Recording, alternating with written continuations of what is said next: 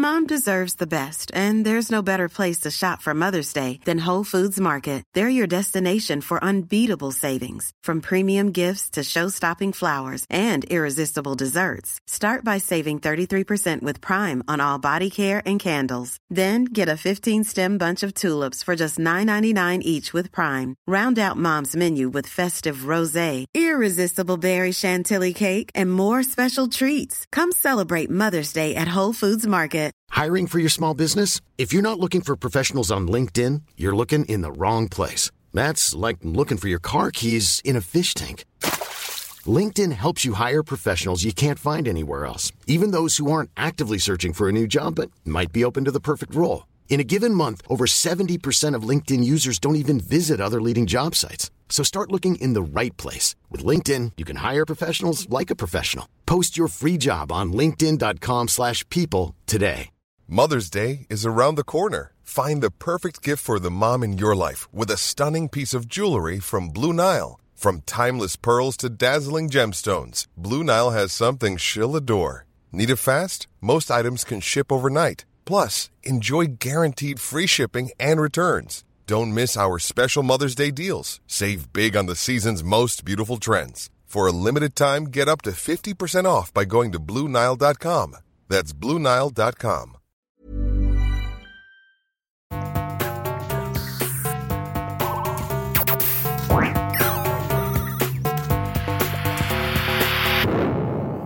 Velkommen til Sinnsyn. Jeg heter Sondre Risom Livre, er psykolog, og dette er Webpsykologens podkast. Hverdagspsykologi for fagfolk og folk flest.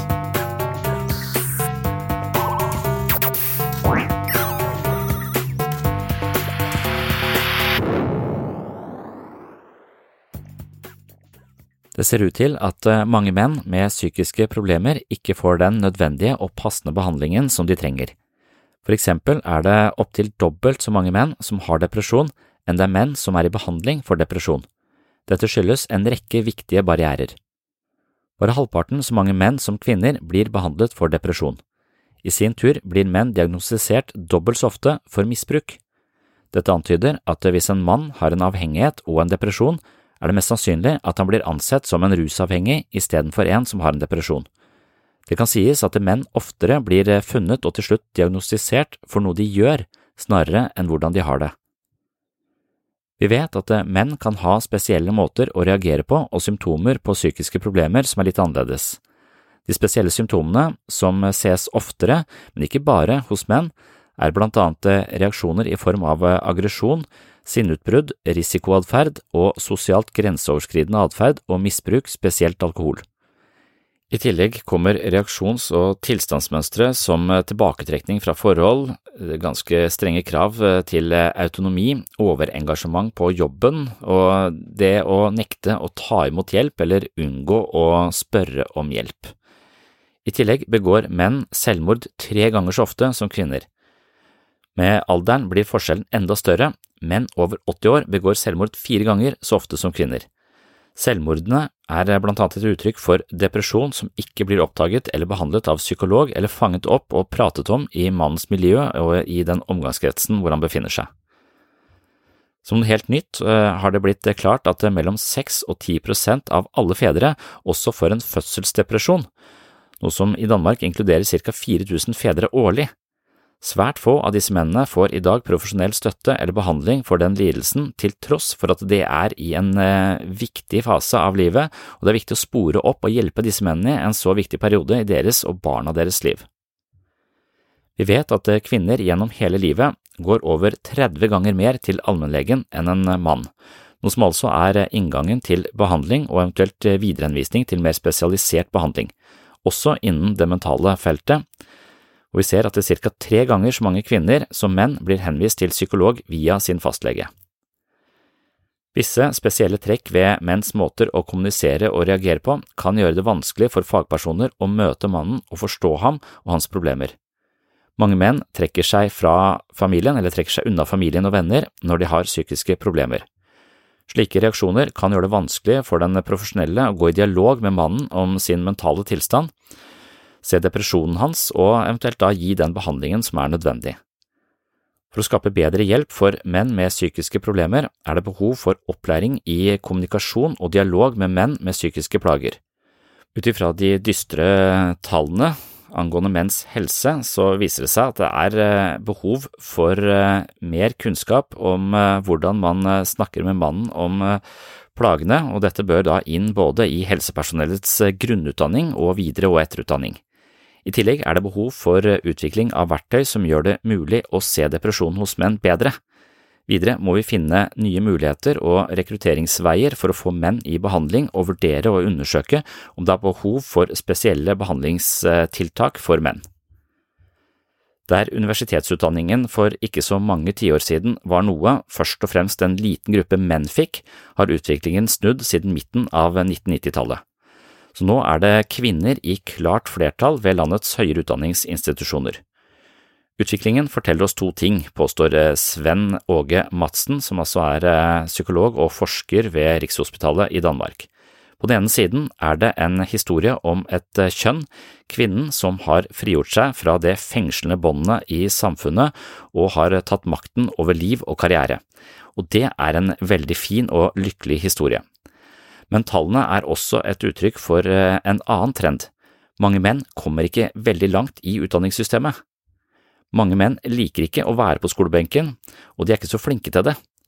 Dette kommer altså fra psykolog Sven Åge Madsen, som har skrevet flere bøker om eh, menns helse. Han har forsket på tematikken, som jeg sa, ved Rikshospitalet i København, og han fungerer som styreleder i Forum for menns helse.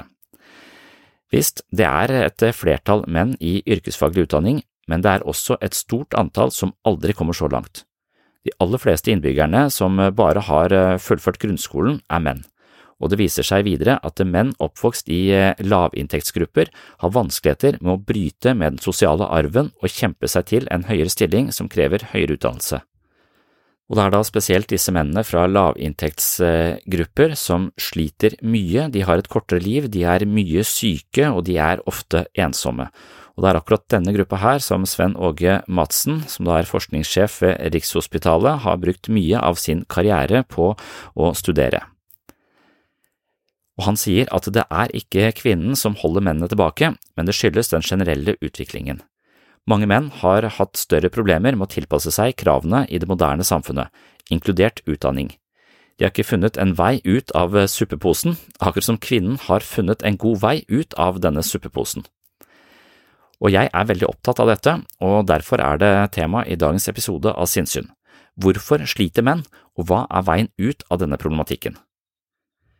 I sin forskning har Sven Åge Madsen vist en sammenheng mellom utdanning og faktorer som sivilstand, helse og antall nære relasjoner.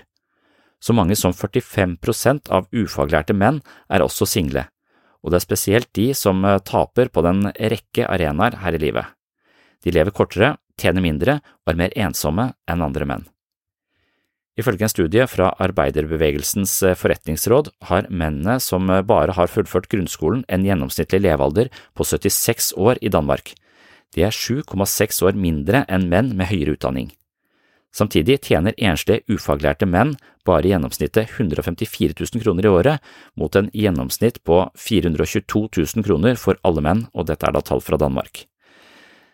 Dette viser tallene fra Danmark i 2017, tror jeg, eh, som Danmarks Radio samlet inn. Men vi ser akkurat den samme trenden her i Norge. Sven Åge Madsen sier at det er en kompleks sak som ikke bare handler om utdanning, men ifølge psykologen er det nødvendig å undersøke hvorfor så mange menn faller ut av utdanningssystemet. Mange menn liker ikke å være på skolebenken, og de er ikke så flinke til det. Vi må spørre hvordan de kan bli bedre kvalifisert og ha bedre kompetanse gjennom hele livet, slik at de nærmer seg samfunnets krav. Spesielt eh, foreslår Madsen at man setter ned et utvalg som kan undersøke hvordan man kan utvikle nye utdanningsformer som er bedre egnet for sårbare menn, og da må man også se på hvordan dette kan gjøres helt ned i grunnskolen og opp til eh, voksenopplæring. Mange menn foretrekker nok mer manuelle yrker, men også her krever man utdannelse. Det er ikke slik at man bare kan overta gården etter sin far eller lære seg det man trenger underveis. Dessuten er det slik at moderne yrker i stadig stigende grad krever spesialisert kunnskap. Man må rett og slett utdanne seg for å få fotfeste i dagens arbeidsmarked. Digitalisering vinner terreng overalt, og ufaglærte jobber forsvinner. Du blir ikke lenger akkurat det faren din var, eller hva som er naturlig i en bestemt samfunnsklasse. I dag er det mer flytende, og du må ta deg gjennom utdanningsjungelen. Sven Åge Madsen sier at kvinner har vært flinke til å tilpasse seg utviklingen og legge planer for livet sitt og utdannelsen sin. For eksempel tenker de som følger, jeg må få dette karaktersnittet for å komme inn i denne utdannelsen og få denne jobben. Det motsatte er tilfellet for mange menn, sier Madsen, og kanskje er dette en av årsakene til at det er 9000 flere kvinner enn menn som har gått inn i høyere utdannelse de siste årene i Danmark, og det er den samme trenden vi ser i Norge. Dette er viktig å ta inn over seg for alle menn. Unge menn må bli flinkere til å tenke i et eh, livsløpsperspektiv, og de må tenke gjennom planen for eget liv på en litt grundigere måte. Det holder ikke å tenke at man bare skal tjene noen penger. Man kan også spørre om eh, noen av eh, problemene ikke bare løser seg selv. Det er jo sånn at mange utdannede menn synes det er vanskelig å finne en partner, og de lever ofte alene. Og det vi da må akseptere, er vel at eh, både menn og kvinner må akseptere at i dag vil en kvinne oftere ha en høyere utdanningsstatus enn partneren sin. Og kan vi leve med det? Klisjeen er jo at direktøren, som da gjerne er mannen, er sammen med sekretæren, som da gjerne er eh, kvinnen. Og den klisjeen der, den må nok eh, begraves hvis vi skal tilpasse oss den nye utviklingen. Det er mitt håp at eh, vi lærer av denne endringen, og at disse statusene jevner seg ut på nye måter, sier Sven Åge Madsen. Han tror også at det kommer til å skje, spørsmålet er bare hvor godt det nye forholdet varer og hva kvinnen krever i forholdet. Hvis menn pleide å være glade for å ha en partner eh, hjemme som kunne passe barna og lage mat og ta dem med til Mallorca, kan det være at kvinnen har andre krav, og Sven Åge Madsen påstår at han er eh, da ganske spent på hva kvinnens krav er, og hvordan dette her kommer til å gå i tiden fremover. At menn faller utenfor og havner i bakleksa er heller ikke noe som man snakker så veldig mye om, og det er kanskje også litt eh, spesielt, og en del av årsaken til at eh, den offentlige debatten sjelden handler om sårbare menn, er at denne saken her er ganske kompleks. For menn dominerer ikke bare på bunnen av utdanningsstigen, men også på toppen i samfunnet, målt ved direktørjobber, styreverv og inntjening. Det vil ikke umiddelbart endre seg så mye de neste årene, ifølge Madsen, for selv om menn er eh, underrepresentert ved høyere utdanning generelt, dominerer de fortsatt ved studiene som gir høyest lønn. Blant forskere ved universitetene er det på mange måter skjevt eh, til fordel for menn. Ved de danske universitetene er en tredjedel av de vitenskapelig ansatte kvinnene, og det blir eh, verre jo lenger opp på stigen du beveger deg. Bare hver fjerde professor ved Universitetet i København er en kvinne. På den måten kan vi si at mannen er det ekstreme kjønn, det er et flertall øverst og et flertall nederst, sier Sven Åge Madsen. Men det er viktig at det ikke er noen konkurranse mellom kjønnene, fordi det er et problem for samfunnet når vi får så mange utdannede menn som ikke kan få den typen jobb de kunne ha fått i gamle dager, og problemet har bare blitt større og mer betydelig i den tiden jeg har jobba med det, påstår Sven Åge. Og slik avslutter Madsen en forelesning om menns helse. Han poengterer at kvinner ofte ser etter partnere med høyere status, men når de nå ser oppover, så er det ingen der. Mennene sakker akterut, og de blir mindre populære som partnere. Det fører dem inn i ensomhet, som igjen genererer en rekke ulike plager, både fysisk og psykisk, noe som viser seg å kulminere i et liv som varer sju år kortere, og dette livet er i tillegg svært hardt belasta med sykdom. Dette her er eh, tragisk, og nå skal du få være med til et foredrag hvor jeg reflekterer videre over mannens rolle i samfunnet fra 1800-tallet og frem til i dag. Hvordan skal vi forstå den sårbare mannen som i stadig stigende grad spilles ut på livets eh, sidelinje? Før vi går til det foredraget, så skal vi også kort høre med Sven Åge Madsen selv, hvor han snakker litt om menns eh, helse.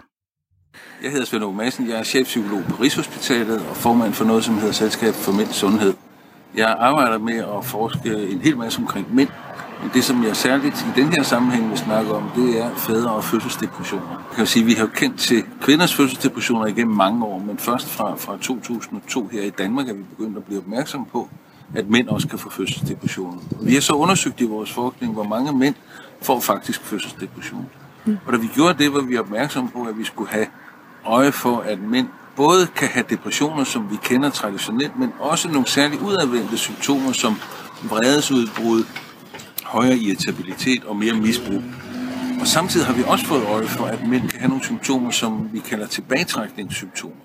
Og det vil sige nogle symptomer, hvor de trækker sig væk fra deres nærmeste, når de får det dårligt. Hvor mænd kan have den tendens til at se sin øh, samvær med andre mennesker, især sin, sin kone og sit barn, som endnu en belastning frem for en ressource. Og de måder at reagere på, kan man sige, de udadvendte med, med vrede og det med at trække sig fra andre, er jo noget, som bringer mænd længere væk fra at få hjælp. Derfor er der nogle særlige behov for at kunne rekruttere mænd øh, på nogle nye måder, men jo også at opdage dem. For når vi ser mænd, der sidder mutte og holder sig væk fra andre, og pludselig holder op med at være sociale, eller begynder pludselig at blive meget vredladende og irritable, og også lugt for meget af øl om morgenen, så kan det være udtryk for, at nu er de ved at få en depression, og i det her tilfælde en fødselsdepression. Nu er vi i gang med at undersøge, kan vi opdage det allerede, mens de venter barn. Så der har vi startet et nyt projekt i København, som handler om, at de praktiserende læger prøver at opdage fødselsdepression, både hos mænd og kvinder, men i den her sammenhæng er det helt nyt, at man åbenbart, og det viser vores forløbige resultater, kan se tegn på fødselsdepression allerede mens parret venter barn. Og det giver jo anledning til, at man så også kan komme ind tidligt med behandling og forebygge, at der sker samlivssamspilsforstyrrelser, som vi ved kan sætte sig spor i børnenes udvikling. Jeg vet ikke helt hva man skal si om familier med rigid rollefordeling.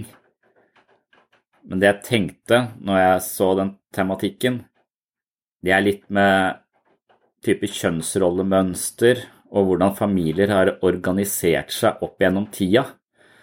Og da prøvde jeg å sette meg litt inn i det, og jeg vet ikke om jeg har klart eller forstått det, for det er et veldig komplekst fenomen som sosiologer typisk eh, driver og utforsker.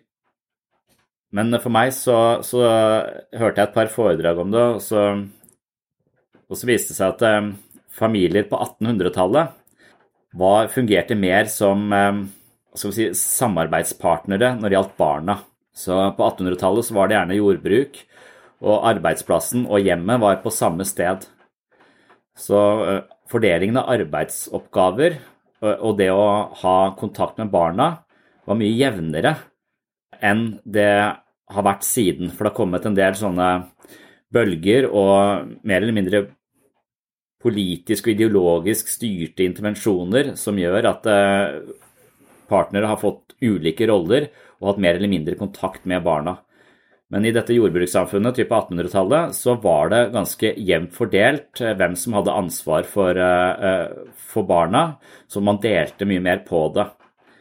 Og Man ser også på, på om foreldre var, eller far var med på fødsel, og det var far på 1800-tallet. Mor lå da i barsel i flere uker. Nå er det jo sånn at du får babyen i en, eh, i en pose og må gå to timer etter fødsel. Så da, vi har ikke denne tiden lenger, så, så der var det en mye sånn nære samarbeid. Og, og på 1800-tallet var det også sånn at det var far sin hva skal vi si, ansvar at barnet ble et skikka og dugelig menneske. Så hvis barnet ikke ble et skikkelig og dugelig menneske, så var det eh, far sin feil. Og så har jeg også hatt et sånt inntrykk at det var mye sånn disiplin og litt sånn avstand osv. Så men det står ganske tydelig i veldig mange tekster fra den tida at disiplin skal unngås så lenge det er mulig forstått som at man skal ikke disiplinere eller drive oss og tukte folk da, for å få de til, men at man skal eh, prøve å leke, være vennlig, være sammen. Altså, det høres ut som om de 1800-tallsbøkene ligner de pedagogiske bøkene vi har i dag, og det vi vet i dag, mer enn jeg trodde. da. Jeg trodde at disiplin og stå rett osv. Det kom litt seinere. Så det var eh, et eh, godt samarbeid mellom mor og far i, i heimen og på arbeidsplassen så er det dette med, med modernisering. Så vi kommer ut på, på 1900-tallet, så, så, får vi jo Det er masse forskjellige faktorer som spiller inn. Men etter hvert så, så mener man at far blir pressa ut av hjemmet. For, eh, for, og man får også en ekteskapslov som sier at kvinnen har ansvar for barna, og far har ansvar for å tjene penger til familien. Sånn at nå er ikke arbeidsplassen hjemme lenger. Nå får man eh, type industri og osv. Veldig mange sånne litt sånn harde En sånn arbeiderklasse som må jobbe tolv timer om dagen på fabrikk, ikke sant? som er veldig fysisk tungt som også gir en situasjon hvor det å føle så mye egentlig er overflødig. Du kan ikke føle så mye når du skal stå eh, foran en maskin. Du kan ikke kjenne etter på hvor kjipt og tungt det er så mye. Så det å stenge av følelsene til en viss grad har blitt, eh, har blitt en slags overlevelsesmekanisme. Så man kommer ut på 20-tallet, får denne nye ekteskapsloven som sender far ut av hjemmet, og mor gjør mor til sjef for, eh, for hjemmet. Så, så begynner denne likestillingen som man hadde tidligere, å vakle litt. For nå blir det en helt annen eh, eh, maktbalanse i den, eh, i den, relasjonen. Så far får da mye mindre kontakt med, med barna, og det er mor som overtar det domenet. Og, og, dette har vi da en ganske god stund. Og veldig mye av de nyvinningene som kommer også, det er sånne teknologiske ting som skjer i hjemmet. Så etter hvert som man kommer opp på 40-50-tallet og, og, sånn, så får man en sånn eh, husmorting. Du får nye sånne anordninger som kan effektivisere kjøkkenet hjemme osv. Og, så og så får du et sånt bilde av far som en sånn der håpløs dust med tøfler, som ikke får til noe som helst hjemme, men bare er ute eller sitter og leser avisa, eller sånne Du får sånne mannsidealer så, hvor de er sånn der helt sånn På 50-60-tallet tenkte man at menn er helt udugelige når det gjelder følelser, å ta seg av barn og, og være hjemme, så de blir fremstilt som sånne gnomer, som inkompetente idioter. Og det er veldig mange sånne TV-show fra den tida. Jeg vet ikke, Det er for seint, da, men, men type uh, Al Bundy som pappaen i Der er ikke mora så jævlig bra heller. Eh, men han, han, er en sånn totalt udugelig, stereotyp mann. Eh, og det, og det kan godt være at man har noen sånne etterslep med at menn har da måttet, eh, vært utenfor hjemmet så lenge og på en måte hatt en overlevelsesmekanisme som tenkte at vi ikke skulle føle så veldig mye, for det hadde, det hadde blitt for, for, overveldende. Så at man ligger litt bakpå i, i forhold til denne i forhold til denne eh, likestillinga, det om å ha med barn, eh, med barn, å gjøre. Så vi får en helt annen type rollefordeling som rett og slett er bestemt altså av ideologi og bestemt av lover og regler som sørger for at far blir plassert utenfor og får mye mindre ansvar for, for barna.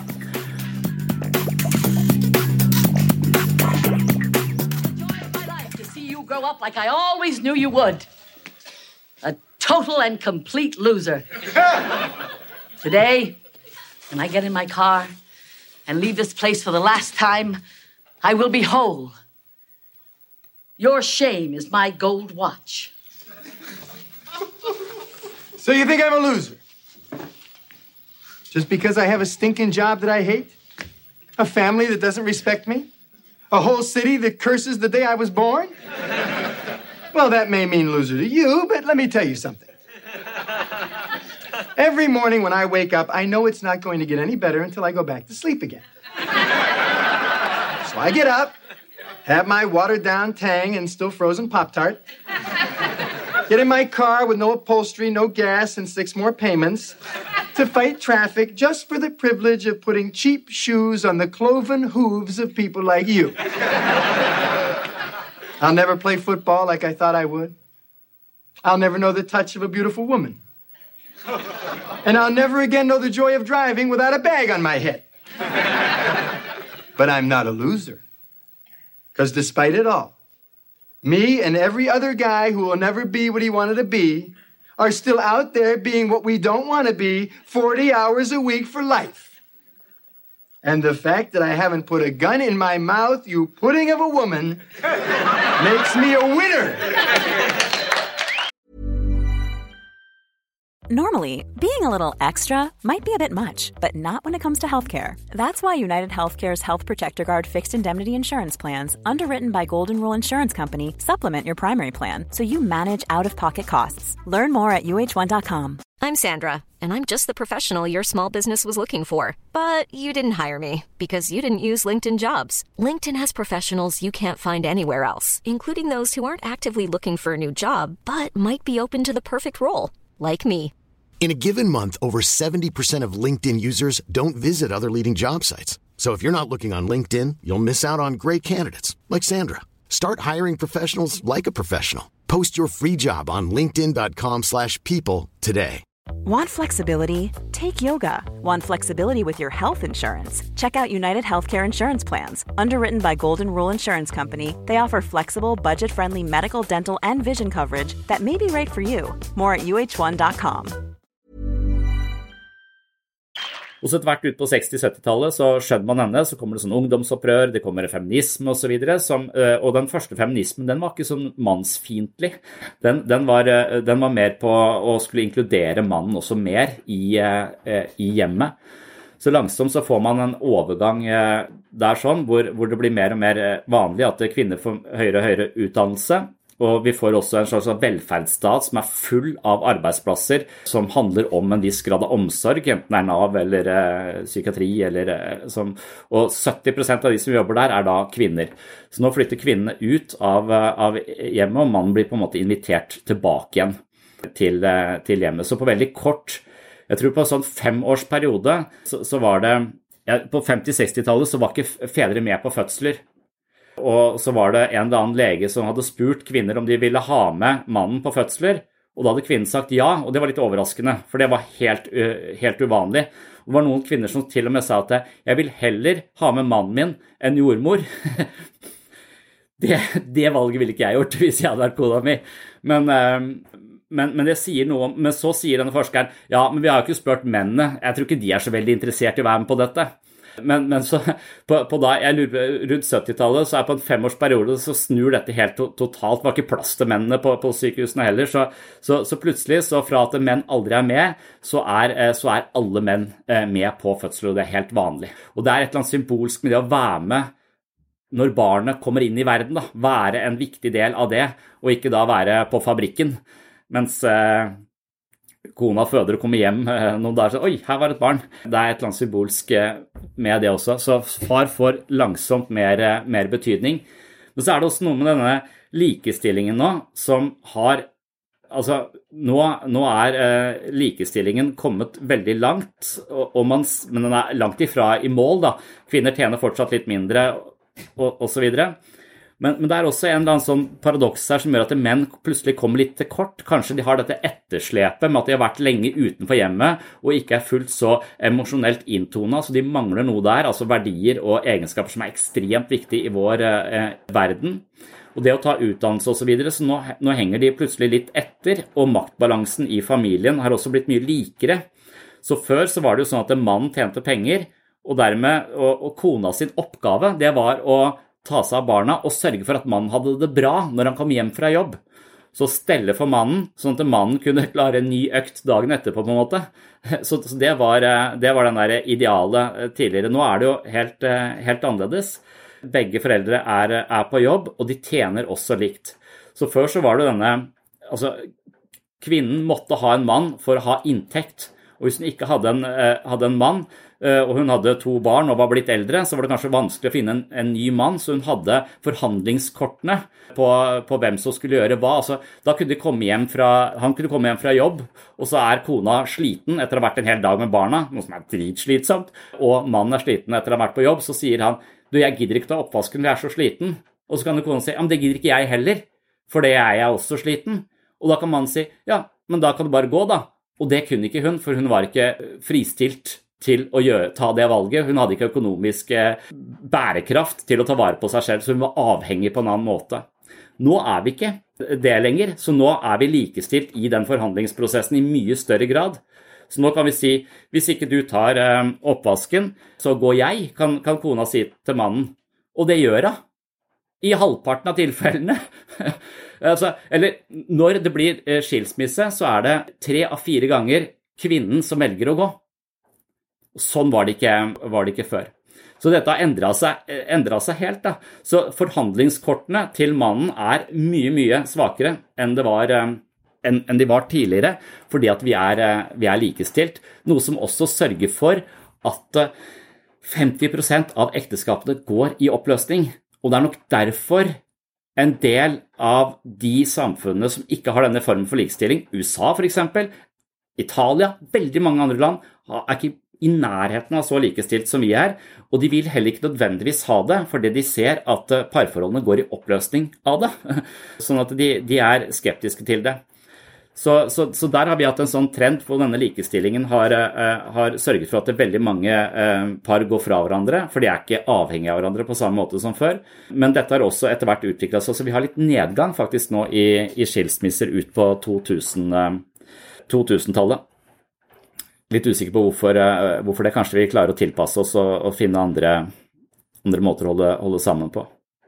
Så nå, i dag, så viser det seg at av norske menn så, er, eh, så gjør de 40 av eh, det samlede husarbeidet. Det er fortsatt ikke halvparten, som det kanskje burde vært, men det er veldig mye mer enn i veldig mange andre, andre land. Og det er også ganske mye mer med barna. Men på annen side så er vi mye mindre med barna enn vi var på 1800-tallet, fordi vi har plassert dem på institusjon isteden. Så vi har egentlig samlet sett ganske lite tid med barna fordi vi begge jobber, vi skal gjøre husarbeid, og da er det liten tid til overs eh, med, med, med barna. Så vet ikke, Poenget med dette var kanskje å si noe om at, eh, at, eh, disse rollene vi har, disse mønstrene vi har, det er jo styrt av veldig masse forskjellige faktorer. Og det som var temaet i dag, var vel kanskje mannen som sluntrer litt unna, eller, eller hva slags status man tillegger det å være med barna kontra det å være på jobb, og hvordan man får til dette samarbeidet, og hvordan man eh, eventuelt som mann kan bli sittende fast i denne stereotypien at ja, jeg klarer ikke å skru på en vaskemaskin, jeg klarer ikke å sortere skjorter. Altså, det er jo Faen, du er ikke tilbakestående.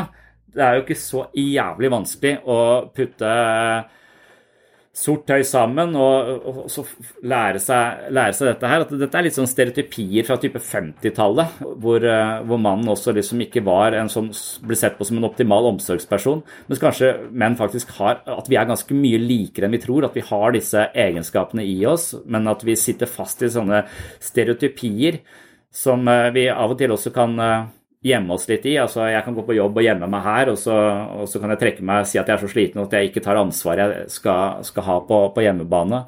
Fordi at det kan virke skremmende eller overveldende, eller mens, mens man også da blir litt avskåret fra det betydningen det har å være med barn. Selv om det er slitsomt, så har det en virkelig sånn berikende eh, å, å, være en viktig del av, av barnas eh, liv. Da. Ja, det er interessant at, at kvinnen også ja, må slippe, slippe far eh, til. Og at far hadde så mye mer innflytelse og samspill og delaktighet på 1800-tallet. Jeg er nesten sånn at det, På 1800-tallet så var det far som skulle forhandle med presten. Og vet du hva de skulle forhandle om? De skulle forhandle om hvor i rekka sønnen eller datteren skulle stå under konfirmasjon. For jo, jo, lenger opp i køen du var, jo smartere og bedre var du. Mens jo lenger bak i køen du var, jo dummere var du, og, jo lettere spørsmål fikk du av presten eh, til, til, konfirmasjon. Så da drev far og forhandla med presten, og eventuelt eh, bestakk presten, sånn at eh, han fikk barnet sitt høyere opp i køen. Noe som sier noe litt andre fucked up-holdninger de hadde på den, på den, på den tida. Men så, så kan jo altså, Det at vi anser kvinner som bedre omsorgspersoner, kanskje, til en viss grad. At vi gjør At vi har en forestilling om det. Det kan jo hende at det stemmer, men at det er nettopp det etterslepet fra en far som måtte skru av følelsene og ble pressa ut av hjemmet for å være på fabrikken eh, i tolv timer, og at eh, der sto du kanskje ved et eller annet samlebånd, eller eh, drev og hogde stein i en gruve, eller et eller annet. I hvert fall arbeiderklassen. da, og, og det å, å, holde følelsen på en viss avstand var, eh, var, helt avgjørende. Og at vi har litt etterslep av det, betyr ikke at vi nødvendigvis er relasjonelt mindre kompetente eller emosjonelt mindre kompetente. Det betyr bare at vi har eh, vært i en rolle over en, et visst tidsrom over ganske lang tid hvor det har vært eh, noe vi noe man måtte for å overleve, og at vi nå er på vei tilbake til en mye mer sånn eh, At likestillingen vår har tatt oss ganske langt nå, sånn at vi, vi ser at vi nærmer oss hverandre igjen på, når det gjelder både kompetanse på hjemmebane og utenfor, eh, utenfor hjemmet. Og det vi kanskje har endt opp i nå, da, er jo en, eh, en slags prisverdig likestilling men med noen desiderte justeringsproblemer, kanskje spesielt i forhold til menn. For hvis du ser statistikken på ja, vi, snakket jo om den derre Mannefall, den serien hvor, eh, hvor det er et, om det er 30% av menn som lever alene. Og, og, det er også mange forklaringer på det. Man får ikke barn før man er gått opp i 30-åra. Mange flere menn enn kvinner får aldri barn. Og når man eventuelt har vært en, i en familie som går i oppløsning, så vil også kvinnen sitte igjen med, med barna i uh, forbløffende uh, mange tilfeller. Da. Så det, at det, eh, er, det, vanligste er vel kanskje sånn type 40-50 av tilfellene at mannen ser barnet ca. én dag i uka. Men det er også veldig høy prosentandel som mister kontakten nesten helt med barna, eller har de færre dager enn én dag i uka. Så, så der, da er også har vi vel denne foretrukne preferansen for at mor skal, skal være med, med barnet. Og hvorvidt og det jobber man vel med, da. Og man har gjort mye i Norge med fedrekvoter og alt mulig sånt noe som, som sørger for at dette blir, dette blir litt mer, mer, balansert. Men det er jo altså noe med når denne forhandlingsprosessen, og når, når man tradisjonelt sett har sett på mannen som forsørgeren, den som skal ta og Eh, livnære familien, på en måte, så har kvinner eh, vært koblet seg på mannen for å, for å ha en som sørger for vår overlevelse, på sett og vis. Og når vi, vi ikke trenger det lenger og kan velge mer fritt, så, så, så, skjer det noen andre dynamikker, og da blir det en hel haug med menn som faller utenfor her. Altså dette man kaller incels, hvor du har en, en ganske stor gruppe menn som aldri får en partner, som aldri får barn, og som lever alene, og som dør sju år før andre, alle andre, med enorme helseproblemer. Fordi de også, mange av de kommer til kort når det gjelder utdannelse osv. Kvinner er bedre eh, på det. De nå, det siste jeg hørte nå, var at det er krise i Legeforeningen. For det altfor høyt antall eh, nyutdanna leger er kvinner. Det er nesten ingen menn.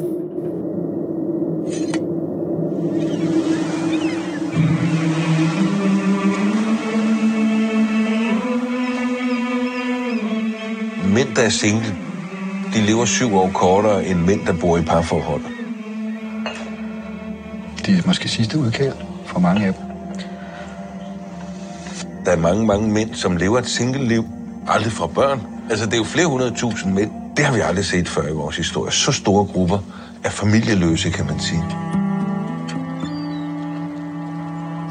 Det ultimative at have i livet, det må da være at skulle have sin egen familie med kone og børn. Men øh, ja. Ej. Mænd har svært ved at bo alene. Flere og flere må tage livtag med sygdom, ensomhed og tidlig død. Det er sidste chance nu, fordi hvis ikke jeg gør noget, så kan det kun blive værre. Mændene i denne serie er meget forskellige. Det er deres baggrund også. Men de har det til fælles, at de bakser med at finde vej til det gode liv med arbejde, børn og familie, sådan som det altid har været. Men tiderne har ændret sig. Kvinder gider ikke mænd, som ikke lever op til deres billede af, hvad en god mand skal. Og det værste er, at de har jo sådan set ret. Altså, kom nu, mænd. Sidst jeg prøvede at få fat i en, så så stak hun af. Det skulle hun fandme blive noget af, da. Kom, sæt.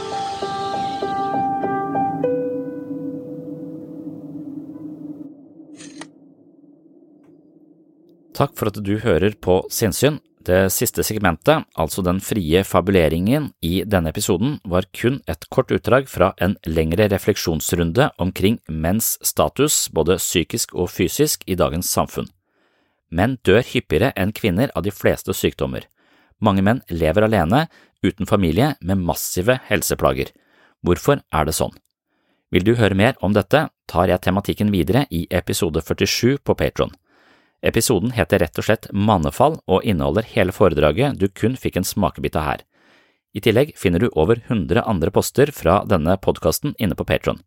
Her er det nærmere 50 ekstra episoder av sinnssyn, et tyvetalls episoder med mentale øvelser, mye videomateriale, og jeg leser bøkene mine kapittel for kapittel, slik at Patron til slutt huser lydbokversjonen av mine tre bøker. Hvis du finner verdi her på sinnssyn, vil ha mer sinnssyn hver måned og har lyst til å støtte prosjektet slik at jeg kan holde hjula i gang her på podkasten, er et abonnement på Patron av stor betydning for dette prosjektet. Du kan selv velge beløp per måned, og beløpet vil altså gi deg et medlemskap på mitt såkalte mentale treningsstudio. Jeg vil også nevne at et slikt abonnement kan avsluttes når som helst med et par tastetrykk. Jeg vil også benytte anledningen til å takke alle dere som allerede er Patron-supportere. Det er lyttere som dere som sørger for at lysa er på her inne på sinnssyn uke etter uke, måned etter måned, år etter år. Det er kostnadskrevende og tidkrevende å drive denne podkasten, men jeg elsker å gjøre det, og med støtte fra Patron-lyttere kan jeg prioritere sinnssyn hver eneste uke, så tusen hjertelig takk for det. Det var det for denne gang. Håper å se deg på Patron, eller høres på Patron, eller på den åpne podkasten i neste episode. På gjenhør!